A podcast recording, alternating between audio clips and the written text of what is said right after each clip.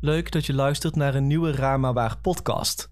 Hier zet ik al mijn video's om in podcastformaat, zodat je ze kan beluisteren zonder een scherm nodig te hebben. Vergeet ook zeker niet de Raar maar Waar YouTube pagina te bezoeken als je dit soort verhalen interessant vindt. Laten we beginnen met deze podcast. Wanneer je een avondje op Netflix doorbrengt, heb je genoeg keuze qua horrorfilms. Maar toch ben ik meestal erg kieskeurig als het aankomt op dit soort films. Er zijn namelijk genoeg hele slechte. Mijn favoriete soort zijn altijd degene die gebaseerd zijn op waargebeurde verhalen. Ook al is het soms maar dat ze door waargebeurde verhalen geïnspireerd zijn. In deze podcast gaan we het hebben over 10 films, waar wel een heel bijzonder waargebeurd verhaal achter zou zitten. Dit is de podcast 10 horrorfilms gebaseerd op waargebeurde verhalen. De eerste film heet The Hills Have Eyes. Een supergoede film als je niet bang bent van een beetje bloed. De film gaat over een familie die bij een tankstation te horen krijgt dat er een snellere route naar hun bestemming is. Maar zodra ze deze route pakken, worden ze in de val gelokt door psychotische kannibalen. Ze moeten vervolgens hun weg uit hun land vechten. Het waargebeurde verhaal achter deze film komt van de 15e-eeuwse legende van Alexander Sani Bean uit Schotland. Alexander was de zoon van een hovenier, maar had geen interesse om hetzelfde te gaan doen als zijn vader. Hij verachtte de maatschappij en andere mensen. En daarom besloot hij samen met zijn vrouw de wildernis in te trekken en te gaan wonen in een grot. Daar krijgen ze in totaal acht zonen en zes dochters en 32 kleinkinderen. En het merendeel daarvan door incest. Deze grote groep mensen werden al snel de Bean Clan genoemd en stonden erom bekend dat ze op verschillende bospaden booby traps geplant hadden om ongelukkige reizigers in te lokken. Iedereen die door ze gevangen zou zijn, werd beroofd en vermoord. De lichamen van de reizigers werden meegenomen naar de grot en klaargemaakt om op te eten. De Bean Clan kreeg het voor elkaar om 25 jaar lang uit handen van de soldaten van de koning te blijven. Toen de huidige koning, James VI, er genoeg van had, besloot hij een grote groep soldaten naar de grot van de Beans te laten zoeken. Toen ze na een korte zoekactie de grot ontdekten, vonden ze de half opgegeten slachtoffers van de clan. De gele clan werd uiteindelijk meteen gearresteerd en ter dood veroordeeld. En volgens de legende zou de Bean Clan meer dan duizend slachtoffers hebben gemaakt, voordat ze eindelijk gestopt werden. Als tweede hebben we de Spaanse film Veronica. In deze film probeert een meisje een overleden vriend op te roepen met een Ouija-bord. Alleen gaat dat natuurlijk gruwelijk fout. Het verhaal waar deze film op gebaseerd is, heet de Vallecas-zaak, die plaatsvond in een kleine voorstad van Madrid in Spanje. Het verhaal gaat dat een meisje genaamd Estefania Gutierrez Lazaro op een mysterieuze manier in het jaar 1991 om het leven kwam. Haar ouders waren ervan overtuigd dat haar dood iets te maken had met haar interesse in de Ouija-borden. Volgens een artikel in de Engelse krant genaamd The Sun had Estefania vlak voor haar dood een seance gehouden met een Ouija-bord op haar school.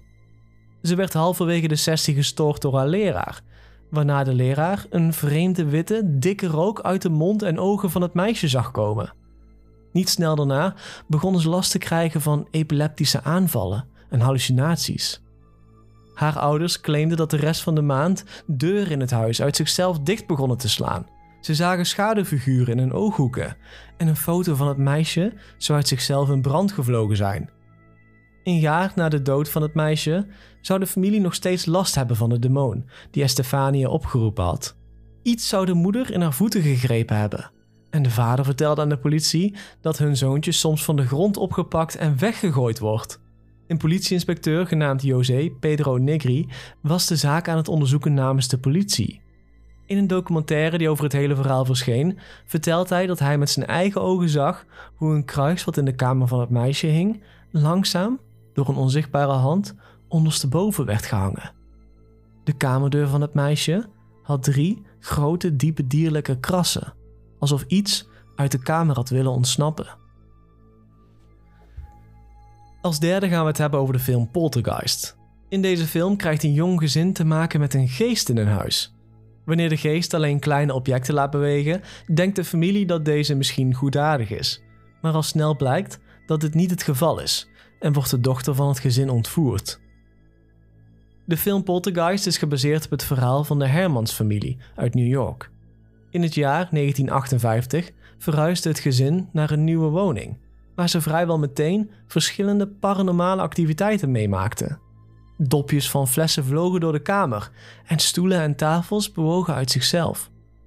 Al snel werd de geest kwaadaardiger en vloog er een beeld van de heilige maagd Maria door de kamer, recht tegen een spiegel aan. Op zijn ergst werd er een zware boekenkast omgegooid door een onzichtbare kracht. Uiteindelijk werd de politie gebeld die meteen op onderzoek uitging. Maar helaas voor de agenten werden ook zij niet gespaard van het paranormale geweld. Een van de agenten moest duiken omdat er plots een wereldbol in zijn hoofd gegooid werd. Toen de politie niets voor het gezin kon betekenen, werd de hulp van een priester ingeroepen. Het is niet duidelijk of deze priester ook echt daadwerkelijk iets heeft kunnen betekenen. Wel weten we dat de poltergeist-activiteit in de maand maart van het jaar 1958 er plotseling mee ophielden. De meeste mensen denken dat hun huis vervloekt was, omdat het gebouwd zou zijn op een oude Indianen begraafplaats. Als vierde gaan we het hebben over de Amityville Horror. De horrorfilm The Amityville Horror is een van mijn favoriete horrorfilms aller tijden. Het gaat over een jong stel wat geterroriseerd wordt door een demonische kracht, net nadat ze een nieuw huis intrekken. Wat het gezin niet weet, is dat er een jaar eerder een aantal vreselijke moorden in het huis gepleegd zijn. Op 13 november van het jaar 1974 schiet Ronald DeFeo Jr. zes van zijn familieleden op 112 Ocean Avenue op brute wijze neer. Een jaar later trekt de familie Lutz in het huis.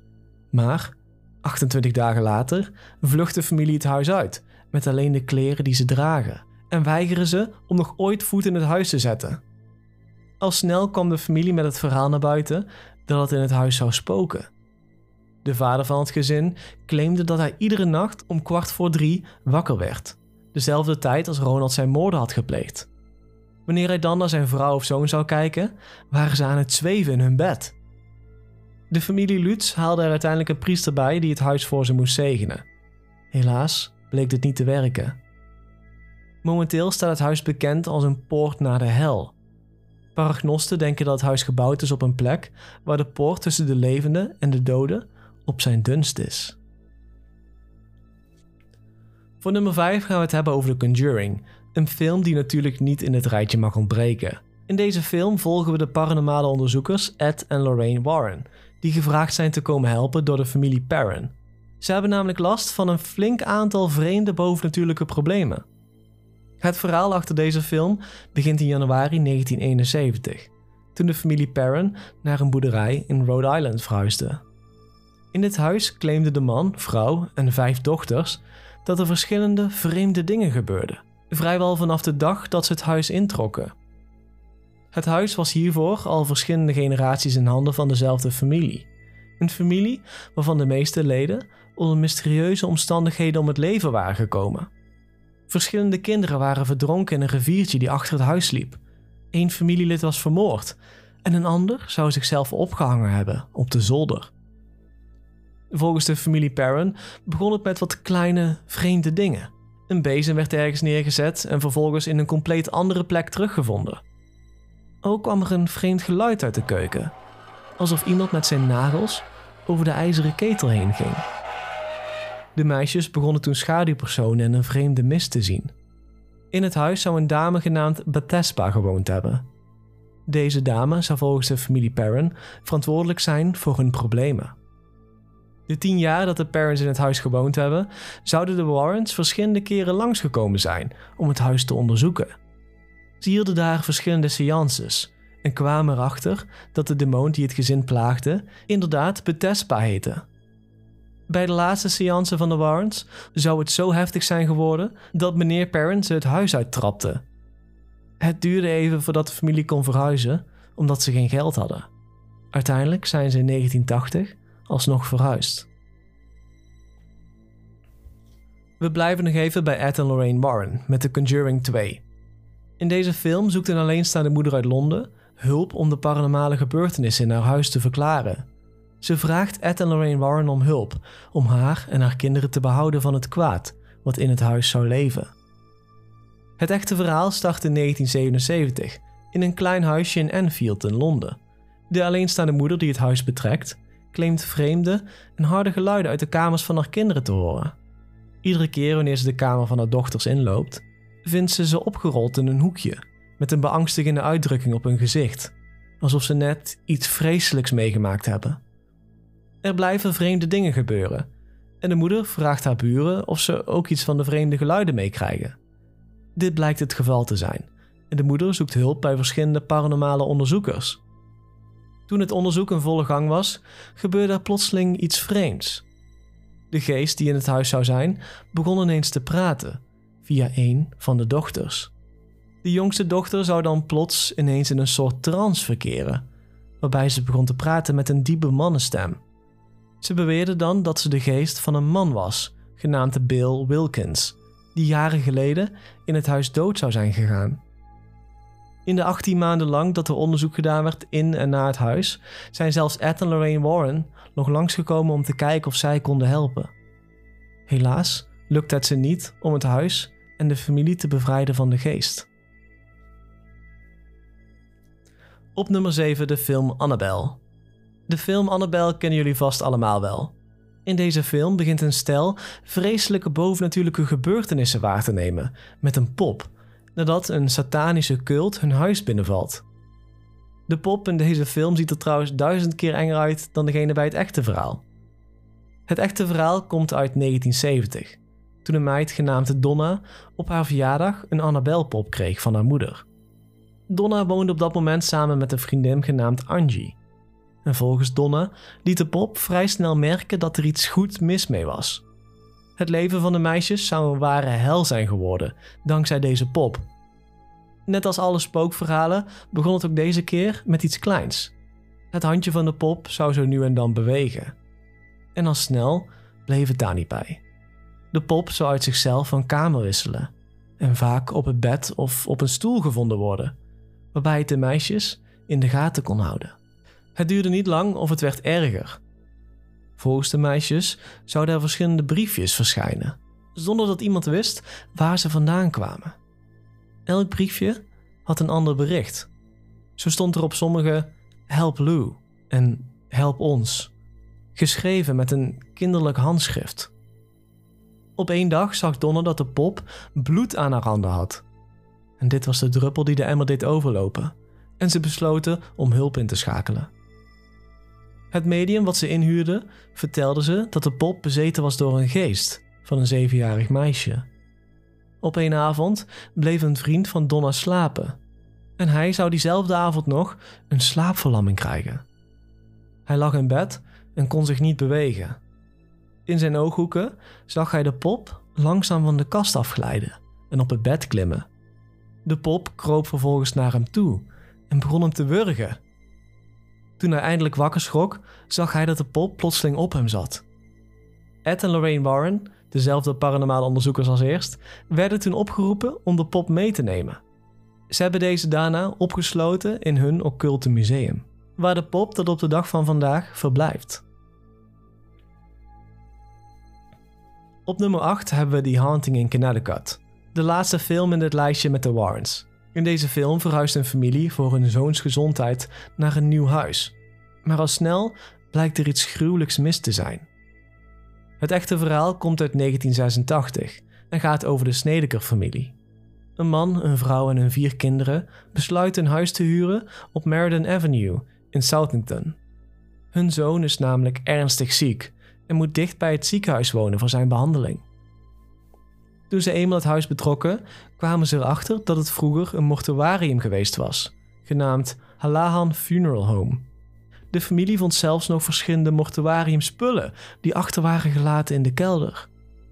En behalve dat was er ook een kleine begraafplaats in de achtertuin. De oudste zoon begon toen plots geesten te zien in het huis en visioenen te krijgen. Niet snel daarna begonnen ook de ouders te klagen dat ze lastiggevallen werden door demonen en zou er volgens hen een kwaadaardige kracht in het huis zijn, wat ze in verschillende vormen aanviel. Uiteindelijk werden Ed en Lorraine Warren opgeroepen, die tot de conclusie kwamen dat hun huis overgenomen was door demonen en dat ze snel moesten verhuizen. Als ene laatste gaan we het over een ander soort horror hebben, namelijk bezeten personen. In de film The Exorcism of Emily Rose neemt een advocaat een zaak aan die de politie aangespannen heeft tegen een priester. Hij zou namelijk een jong meisje vermoord hebben tijdens een exorcisme. Het echte tragische verhaal achter deze film gaat over een meisje genaamd Anneliese Mitchell, die geboren werd in Duitsland. Toen ze 16 was, werd de diagnose gesteld dat ze epilepsie had. En mede door dit en haar strenge ouders zou ze een erg teruggetrokken bestaan leiden en uiteindelijk depressief zijn geworden. Het zou niet lang duren voordat ze ook stemmen begon te horen. Volgens het rapport van de priester die haar zou helpen, had ze een vreemde afkeer voor religieuze symbolen. En haar ouders namen hierdoor aan dat ze bezeten zou zijn door een demon. Tussen het jaar 1975 en 1976 had een priester genaamd vader Ernst Alt en Arnold Reins 67 exorcisms op het meisje uitgevoerd, waarbij het meisje aan het blaffen en schreeuwen was. Annelies stopte uiteindelijk met eten en begon haar hoofd tegen de muur en grond aan te slaan. Ze overleed in 1976. Ten tijde van haar dood woog ze nog maar 30 kilo. En na haar dood werden haar ouders en de priester aangeklaagd voor moord door nalatigheid. Een zaak waarin ze uiteindelijk schuldig werden bevonden. Als laatste gaan we het hebben over een film die niet in dit rijtje mag ontbreken: The Exorcist. In deze film volgen we het exorcism van een 12-jarig meisje door twee priesters. Het waargebeurde verhaal achter deze film is een klein beetje vaag. Dit omdat we niet precies weten wat er heeft plaatsgevonden. In 1949 publiceerden verschillende kranten opeens een artikel over een exorcism wat uitgevoerd zou zijn op een jong jongetje. Er wordt vermoed dat de pastoor die de exorcisms uitvoerde zelf zijn rapport naar de pers heeft gelekt. Volgens deze rapporten begon de familie van het jongetje vreemde geluiden te horen uit zijn slaapkamer, vlak nadat zijn tante overleden zou zijn. Zijn tante zou erg spiritueel zijn geweest en samen met het jongetje geïnteresseerd zijn in Ouija-borden. De familie beweerde dat meubels in het huis uit zichzelf begonnen te bewegen wanneer de jongen in een bepaalde kamer zou zijn. De familie besloot uiteindelijk de hulp van een pastoor in te roepen. En deze zou drie exorcisms uitgevoerd hebben op de jongen, waarna de jongen weer een vrij normaal leven zou hebben geleden. Maar dit laatste exorcism ging niet zonder slag of stoot. Bij de derde exorcism zouden er drie priesters aanwezig zijn geweest. Verschenen er woorden zoals dood en hel op het lichaam van het jongetje. En ondanks dat deze jongen vastgebonden zat aan het bed, wist hij toch een van de priesters een gebroken neus te slaan. Ouch. Bedankt voor het luisteren naar deze podcast. Heb je zelf ooit eens eens iets meegemaakt? Laat het me dan weten via mijn Twitter of Instagram. Mijn naam daar is Marcello1. Dat is Marcel L-O-W 1. Nogmaals bedankt voor het luisteren en tot de volgende keer.